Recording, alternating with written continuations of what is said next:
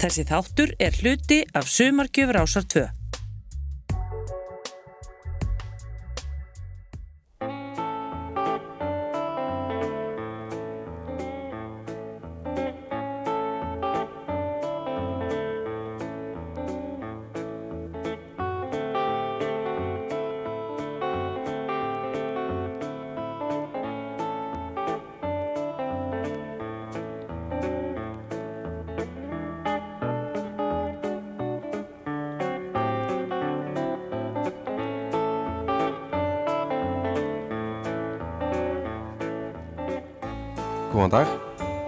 Skúli Helgason og í dag ætla ég að halda áfram að kynna ykkur fágætar hljóriðanir með bítlónum úr sapni Breska útvarsins. Í dag heyrum við lög sem bítlarnir hljóriðuðu á tveggja mánuða tímabili, sumarið 1963 og voru flutt í sérstakri þáttaröð bítlana.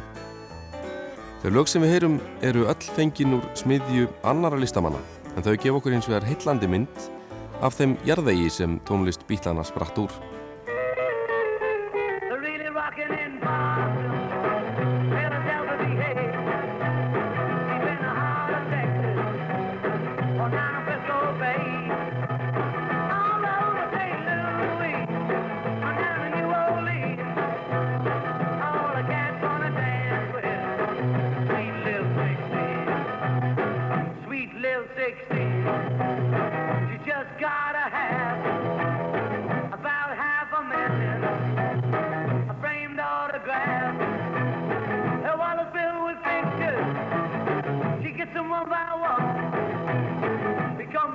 excited. Oh, what you look at her run, boy.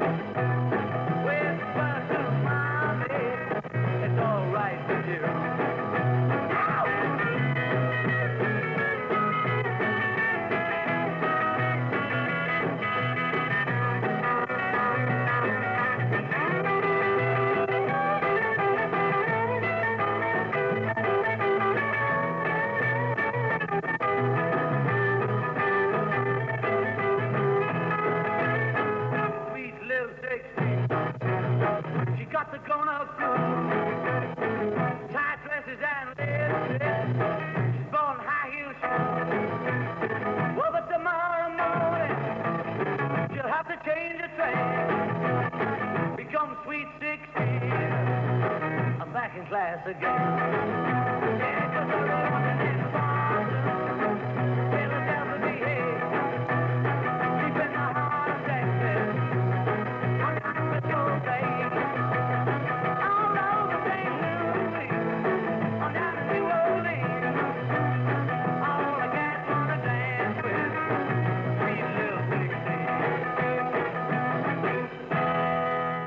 Þetta seguband hefur nú leið inn í einhverjum ríkumum skáp, það er greinilegt.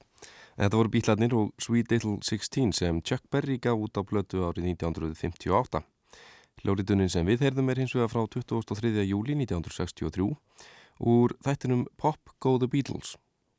Sáþáttur hóf gungu sína í júni það ár en þá höfðu bítlarnir þegar gefið út tvær smáskifur og fyrstu breyðskifuna Please Please Me en hún var vinsalasta plata Breitlands í heilar 30 vikur frá 11. mæ 63 og allt þar til næsta plata bítlana listi hann af holmi í desember.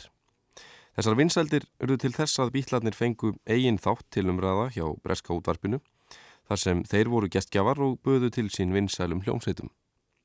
Í fyrsta þættunum voru gestir Lon Gibson tríu sem hafðu mun meiri reynslu af útvarsupptökum en bítlanir.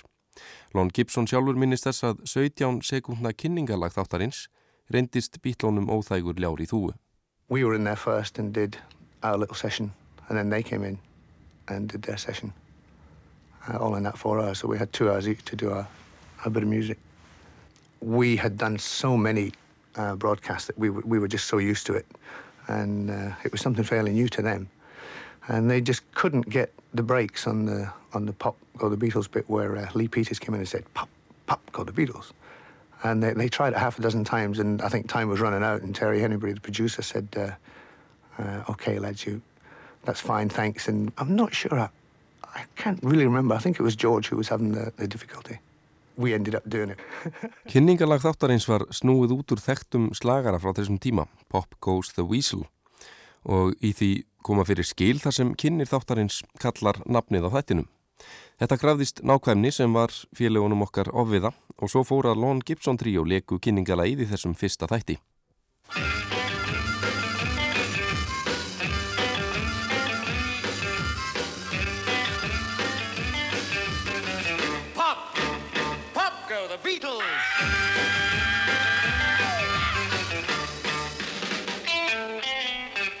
Popgóðu Beatles hóf gungu sína 14. júni 1963 klukkan 5 og stóð yfir í hálftíma.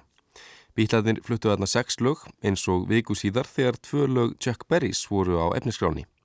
Þar á meðal var fremur líttækt lag sem Berry gaf út árið 1960, lag sem tekur raunar mið af blueslægi eftir Little Walter og heitir I Gotta Find My Baby.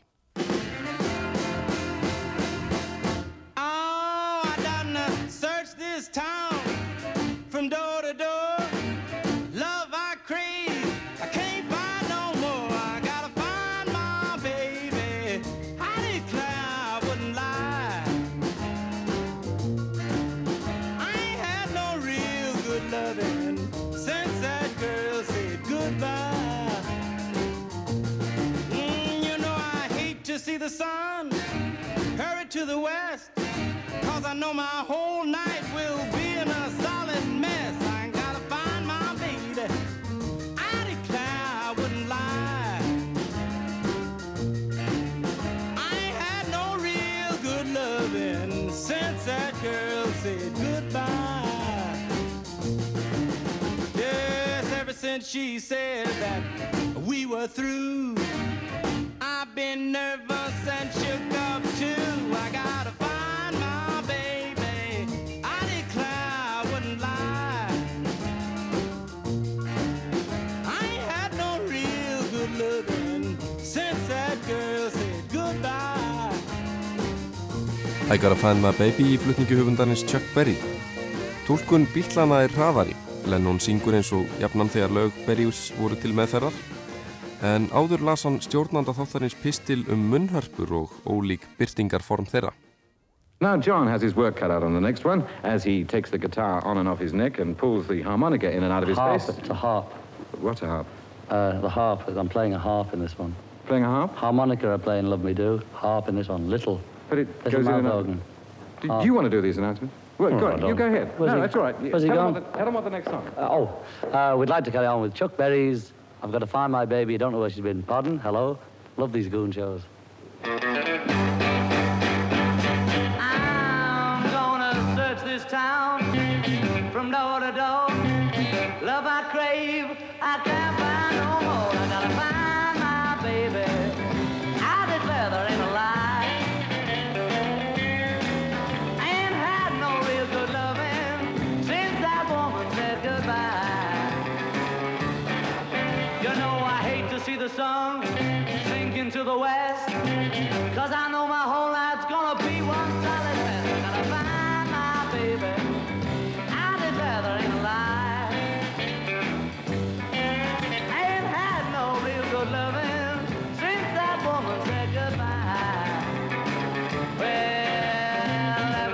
The day that uh, said we were through, I've been nervous and shook up too.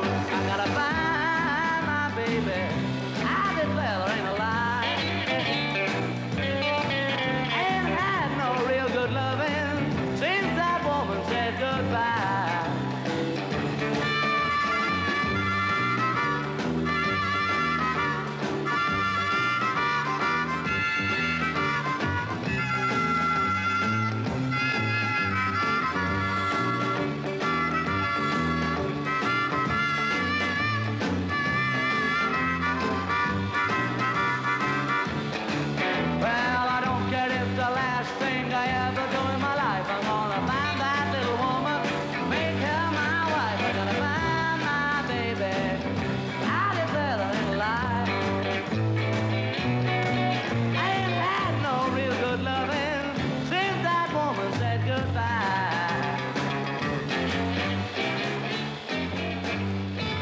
Deildarstjóri léttra tónlistar hjá Breska útvarpinu átti grunn hugmyndina að þáttunum Pop Go The Beatles en um alla útfæslu sá Terry Henneberry um sjónamaði þáttana.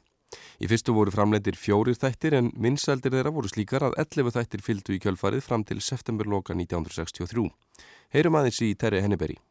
The head of BBC Light Entertainment variety programs, a gentleman called Jim Davidson, had an idea in the back of his mind that this group, the Beatles, was going to uh, be worth investing in.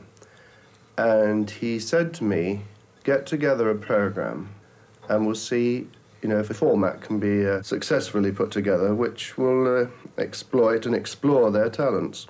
So that's really what we did. And we put in a, a guest unit, you know, a guest group each time anyway, that's that. That is what happened. I think we did an initial four programs. Such was the reaction to the four that after a shortish gap, a further eleven programs came about, and. Uh, it is not everybody that can uh, look back and think, my goodness, 20 odd years ago I recorded a series with the Beatles on radio. Nobody else did it. Nobody else has ever done it. And yet you were the one that was there at the time. The coincidence was there. Bandaríski blökkusöngvarinn Arthur Alexander og verk hans frá upphafs árum 7. áratúarins höfðuðu stert til breskra bítla á rithmablúsur hljómsveita. Jamt bítlana sem Rolling Stones, en Alexander söng rithmablús með áhrifum frá sveita og sóltónlist. Eitt þryggja laga hans á efnisgrá bítlana var A Shot of Rhythm and Blues sem Arthur Alexander gaf út 1961.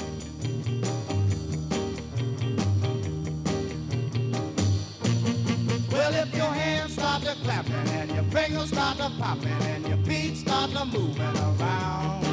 And if you start to swing and sway when a band starts to play a real cool and way out sound. And if you get the can't help it, then you can't sit down. You feel like you gotta move around. Need a shot of rhythm and blues. With just a little rock and roll on the side, just for good measure. Side, then you know you're gonna have a lot of pleasure. Don't you worry about a thing. If you start to dance and sing, and chill bumps come up on you. And when that rhythm finally hits you, and the beat gets you too, well, here's the thing for you to do. Upprunaleg útgafa af læginu að Shot of Rhythm and Blues og það er Arthur Alexander sem flutti 1961. Ennska hljómsveitin Johnny Kidd and the Pirates gaf út sína tólkun árið síðar og síðar fylgdu Jerry and the Pacemakers, Osmonds og Dave Edmunds í kjölfarið meðal annaða. Það var Lennon sem söng í tólkum bílana hljóriðun frá 18. júni 1963.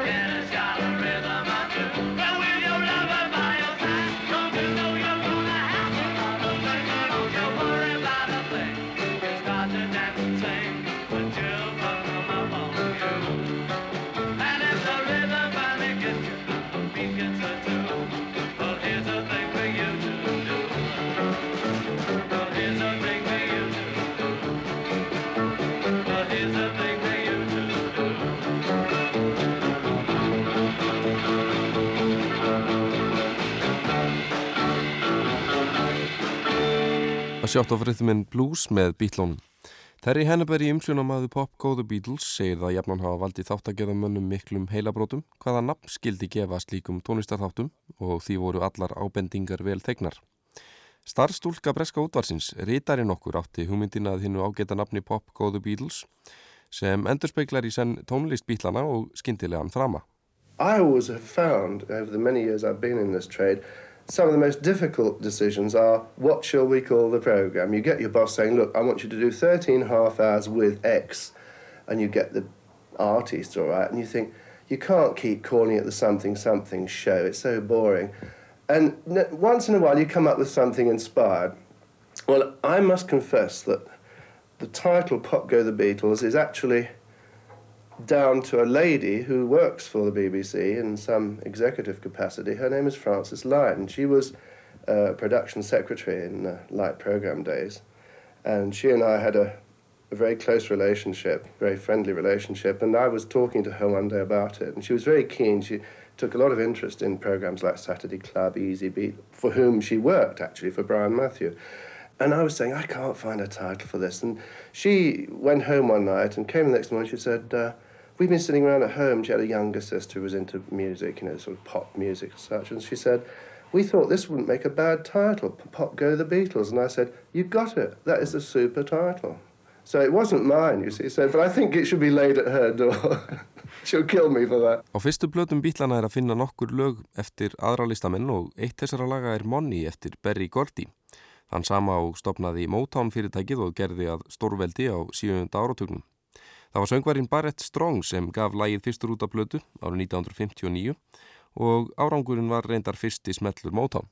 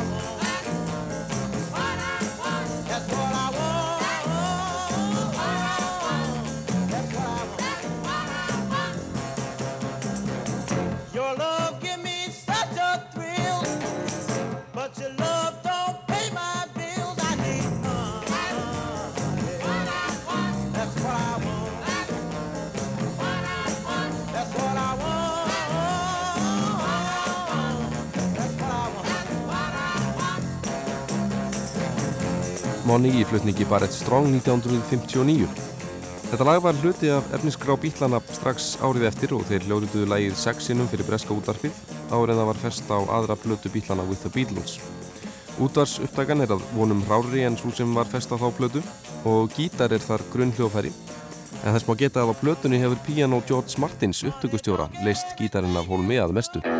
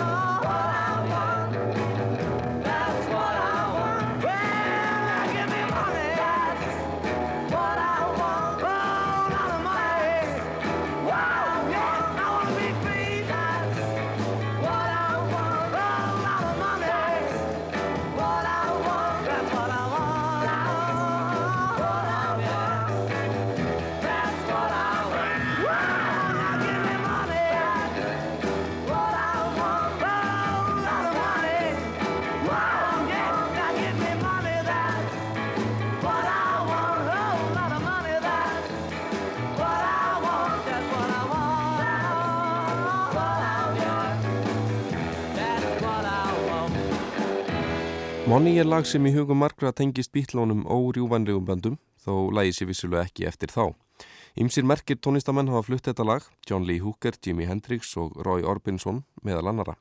John Lennon söng það aftur á 1969 á hljómleikablötu Plastic Ono Band og ekki má gleyma Rolling Stones, helstu keppinötum bítlana á sjöunda áratugnum, en þeir gafuð Money út af blötu ára 1964.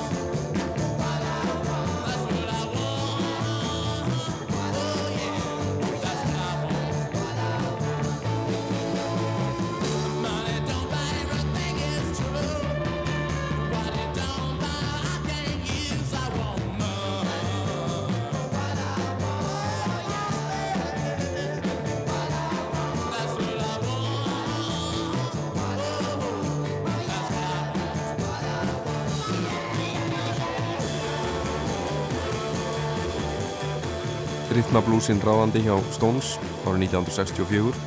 Þetta var heið síkilda lag Berry Gordy's Money. Paul McCartney og hinnir bílarnir hafðu mikið dálæti á söngflokki frá Los Angeles sem flutti grínaktugar lagasmíðar á setni hluta sjötta áratugarins. Lög eins og Jackety Jack, Charlie Brown og fleiri sem enn heyrast. Youngblood var lag frá 1957 sem náði 8. sæti vinsættalistans í Bandaríkjónum og var á efnisgrá The Quarrymen, hljómsveitarinnar sem dróðaðist yfir í Beatles árið 1960. Hljómsveitin er The Coasters.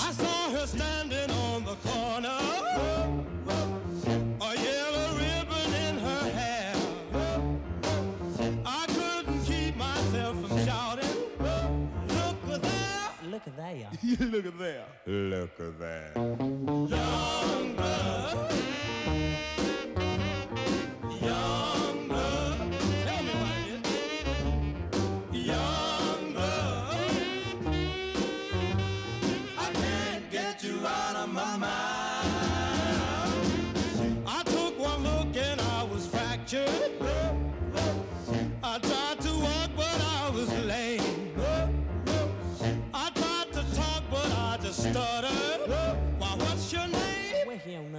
What's your name? What's your name?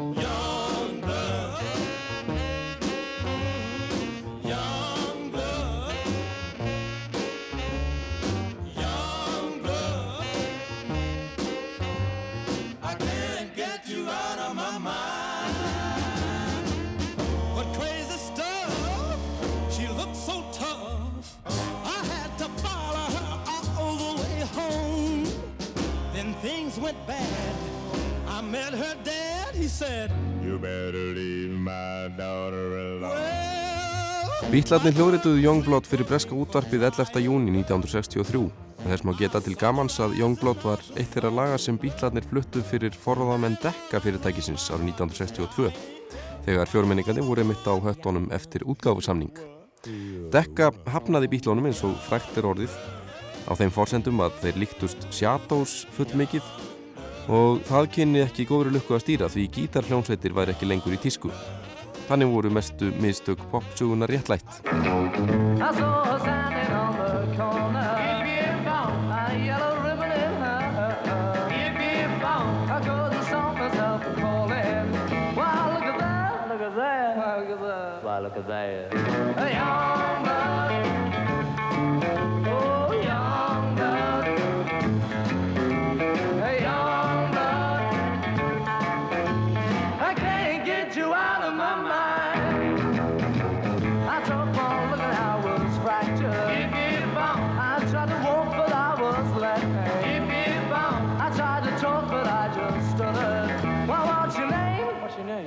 What's your name? What's your name? Hey, young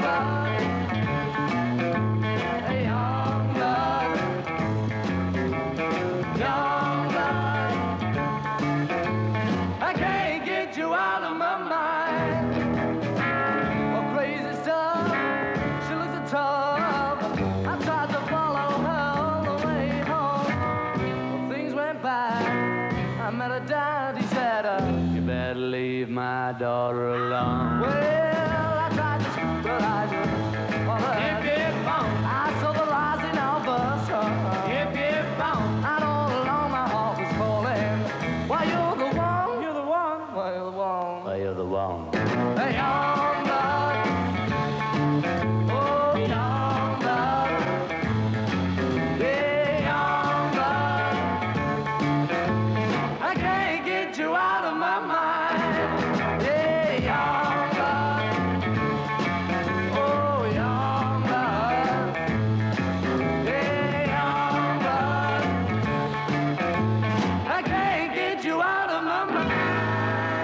George Harrison söng aðal rödd í þessari spauðilegu útgáfu bílana á læginu Youngblood.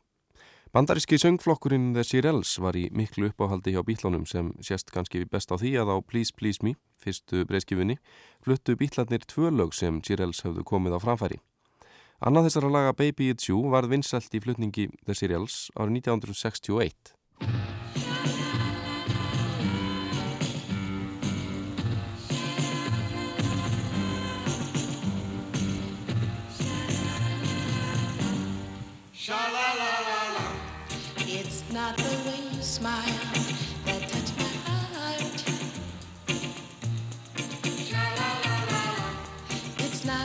The way you kiss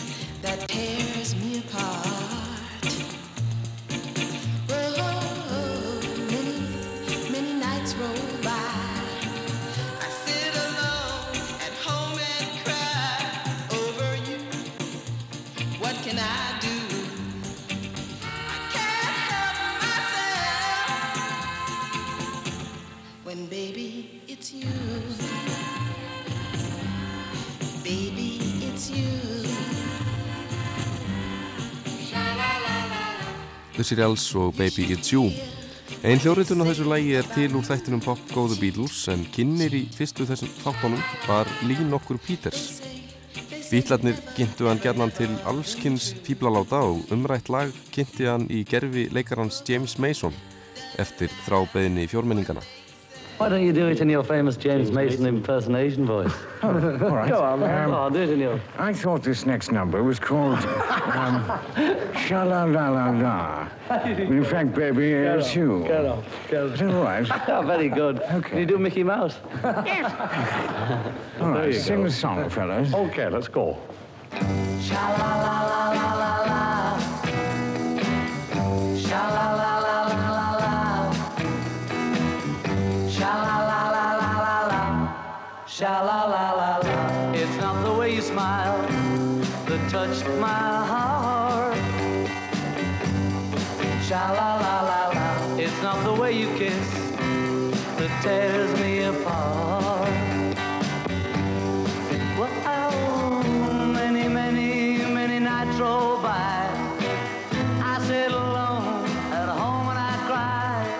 you.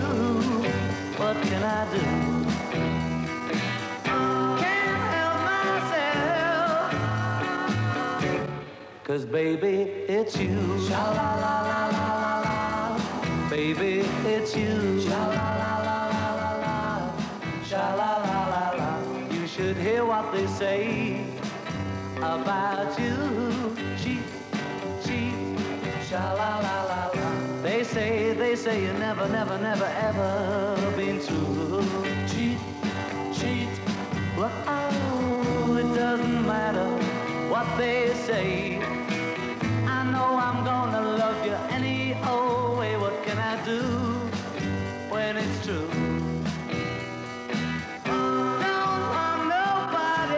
Nobody. Cause baby, it's you. Sha Baby, it's you. Sha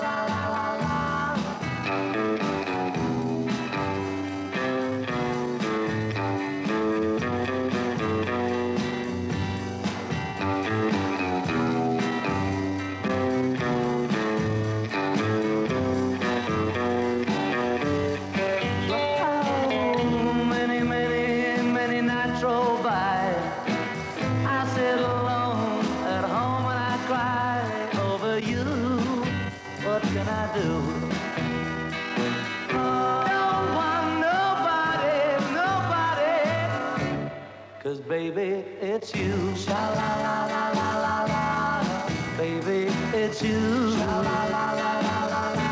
Don't leave me all alone. Sha la la la la la la. Come on home. Sha la la la la la la. Baby, it's you.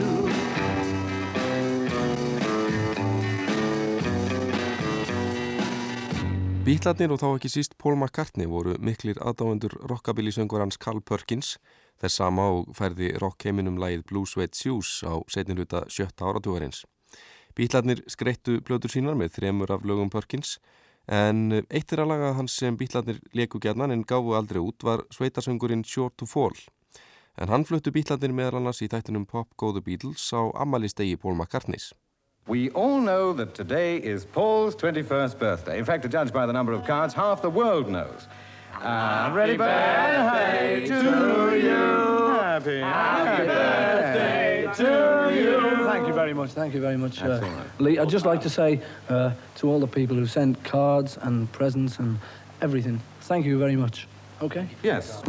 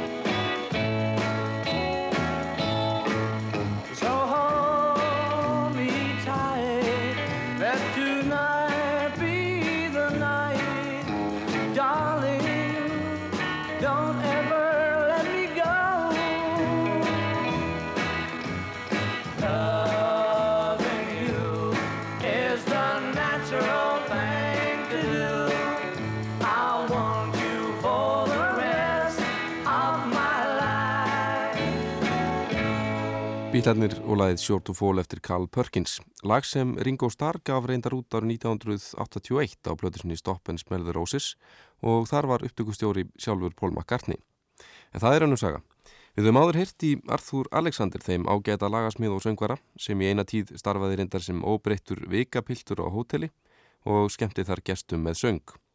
Í september 1962 á sama tíma og bítlarnir voru að hljóðrita frumburð sinn Love Me Do fór Alexander í hljóðverð með eigin lagasmíð Anna Go To Him.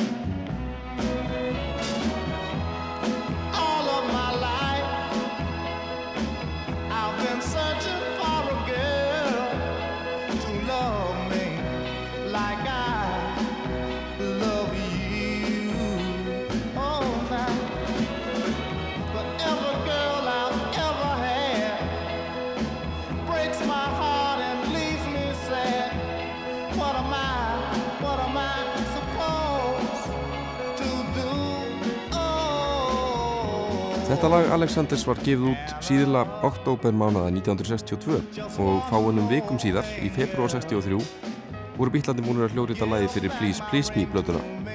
Hljóðritun Breska útvarsins er hins vegar frá júnilokum og það er John Lennon sem syngur hérna letilegu ballöðu.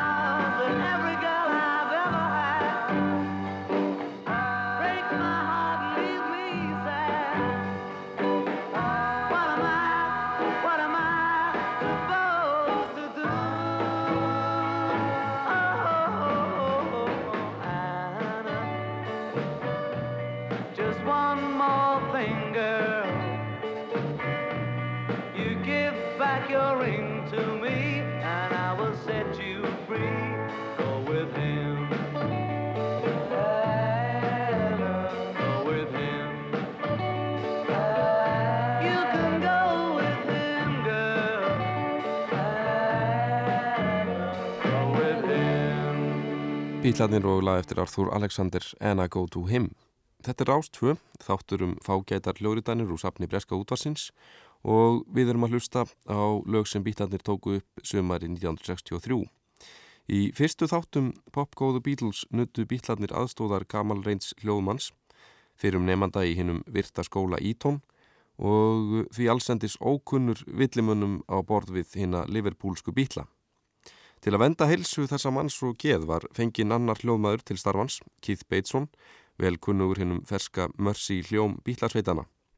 Aðstæður og teknibúnaður hjá breska útvarpinu var hins vegar alls ekki í takt við hinna nýju tíma. Hljóðblöndun var enn miður við stríðsárin þegar ekki mótti koma róti á hinnar vinnandi stjettir með of kröftugum trómutakti. Keith Bateson. The original chap who did the balance on Pop Go the Beatles was um, a lovely guy called Charles Clark Maxwell, who was an old Etonian. Uh, he may, might just as well have been an old Martian as far as they were concerned because they hadn't really come across this before. So um, I was put in in his place uh, because um, um, I got very Mersey when it suited me. We used to get half an hour to set up uh, for Pop Go the Beatles. Um, it was very difficult for us because the BBC was still recovering from the wartime scenario of keep the drums down, don't get the workers jiving in the aisles, keep production up, damp the drums. Um, and we were trying to um, establish a new sort of pattern to rhythm. Uh, we were trying to copy the commercial people. Uh, it started with Presley, obviously. Um, and we had a few problems with our microphones at the time because they were rather old. They were ribbon microphones, and as soon as you um, expended any energy at it um, above the normal. The ribbon used to break, which was quite handy.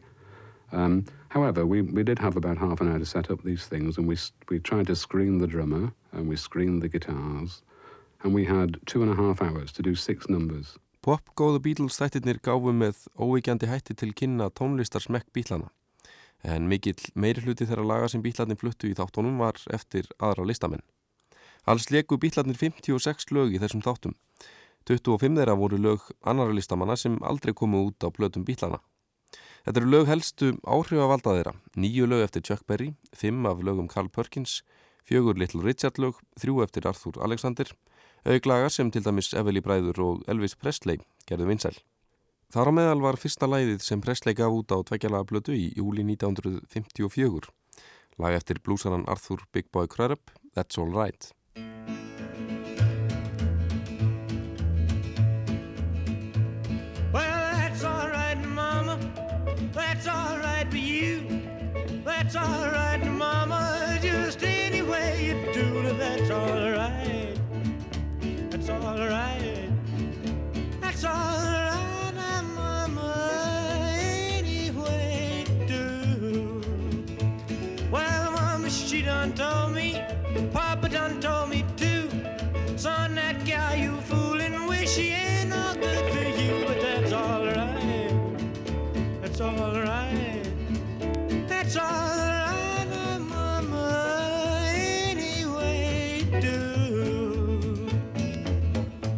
Presley og That's All Right, lag sem er orðið 35 ára gamalt og vel það. Einn hljóritun hefur varfist hjá breska útvarpinu með flutningi bílana á þessu lagi, dagsett 16. júli 1963. Það er Paul McCartney sem syngur og George Harrison á ágæta gítarspretti.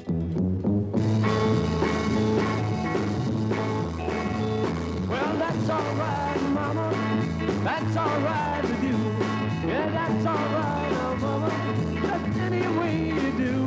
That's all right.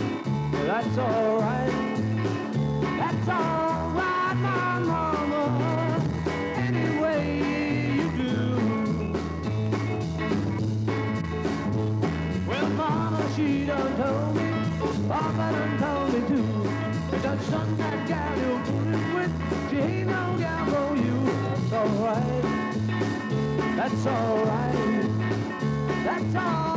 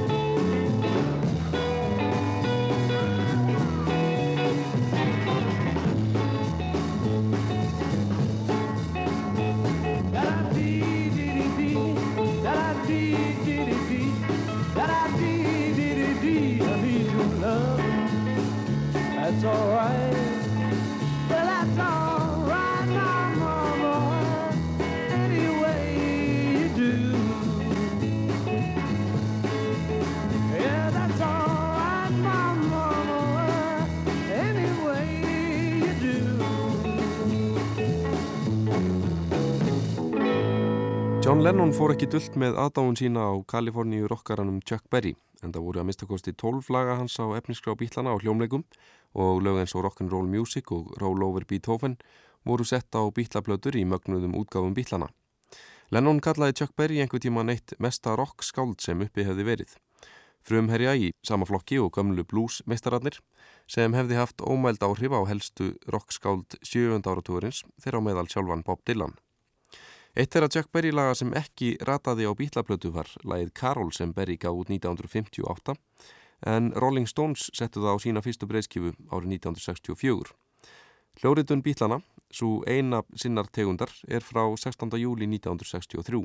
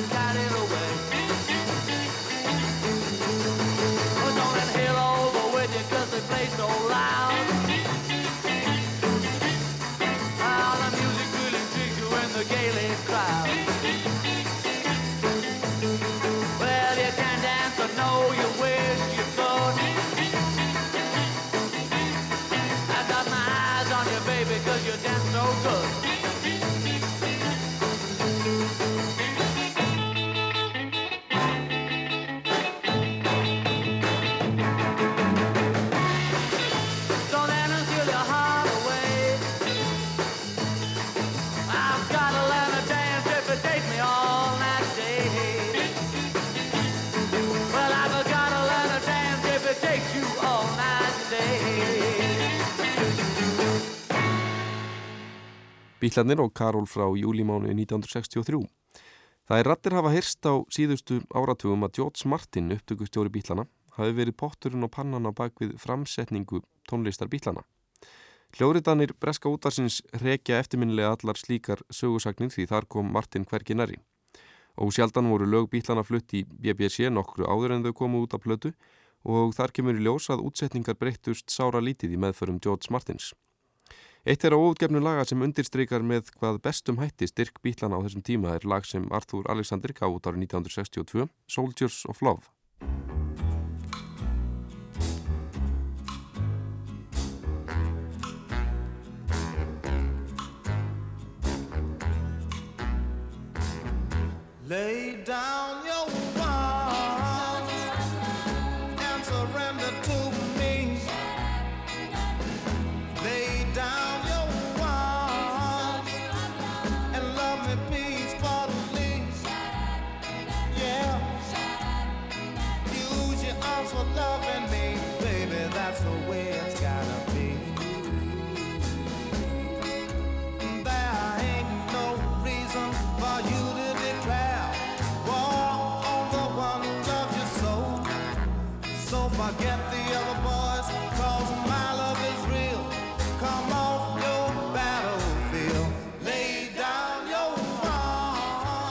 Soldiers of Love er lag þar sem ástinni er líkt við hernað með snjöllum orðaleik. Uppafslínan Lay Down Your Arms getur þannig bæði þýtt legðu niður vopnin eða legðu hendur í skaut, semjum frið í víðustu merkingu. Þessi bóðskapur hefur vafalítið fallið friðarsinnanum John Lennon vel í geð, en læginu var á tímabili ætlað að príða aðra blötu bílana, With the Beatles sem kom út í november 1963. Svo fór þó ekki og hljóritun breska útvarsins frá 16. júli það ár er svo eina sem ofinberuð hefur verið. Það er George sem flytur aðfarar orð og les kveðju frá aðdáðandabílana en slíkur kveðjulestur var órjúmanlegur hluti af þáttunum Pop Go The Beatles. George is just coming up here with a letter in his hand. You're looking very serious about it. What is it, George? It's a letter from Kathy of Newport, Isle of Wight, who says, Paul's been to the Isle of Wight, and why haven't I? Well, I haven't got a passport, huh?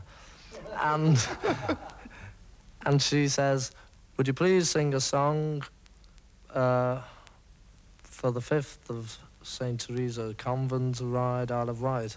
So we'd like to feature John shouting, Soldiers of Love. All right.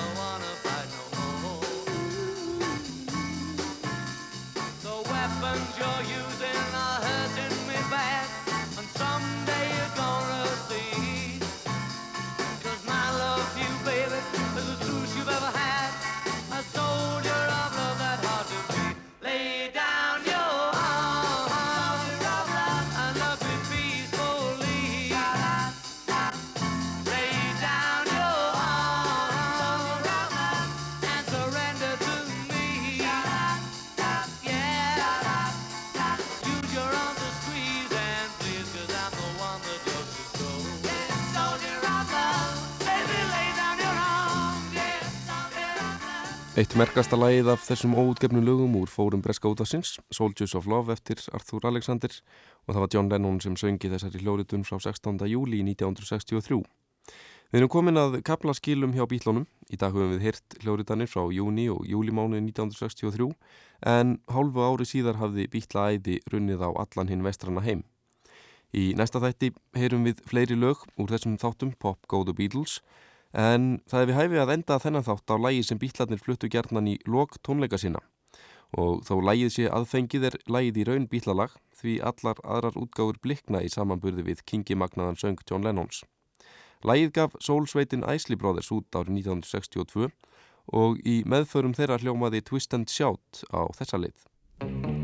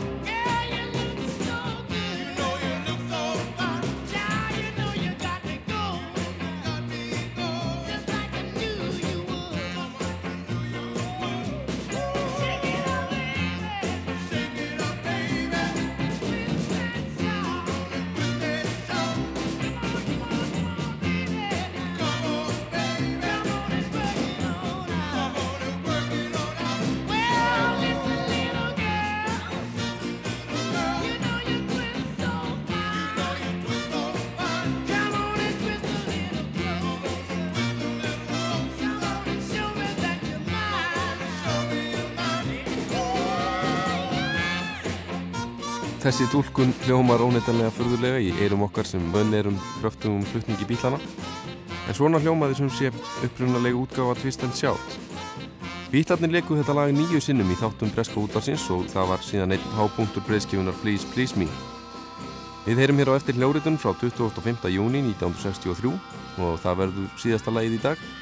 Ég þakka áhern og vonast eftir samfélg ykkar að veiku liðinni.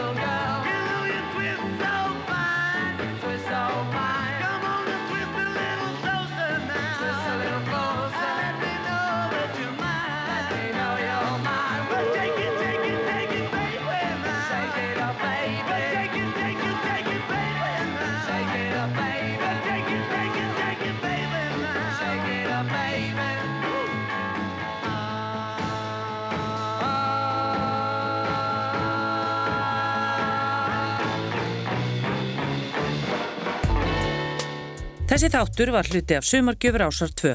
Þú getur nálgast fleiri þætti úr safnir ásar 2 í spilaranum á rúf.is, í rúf appinu fyrir snjaltæki og öllum helstu hlaðvarp sveitum.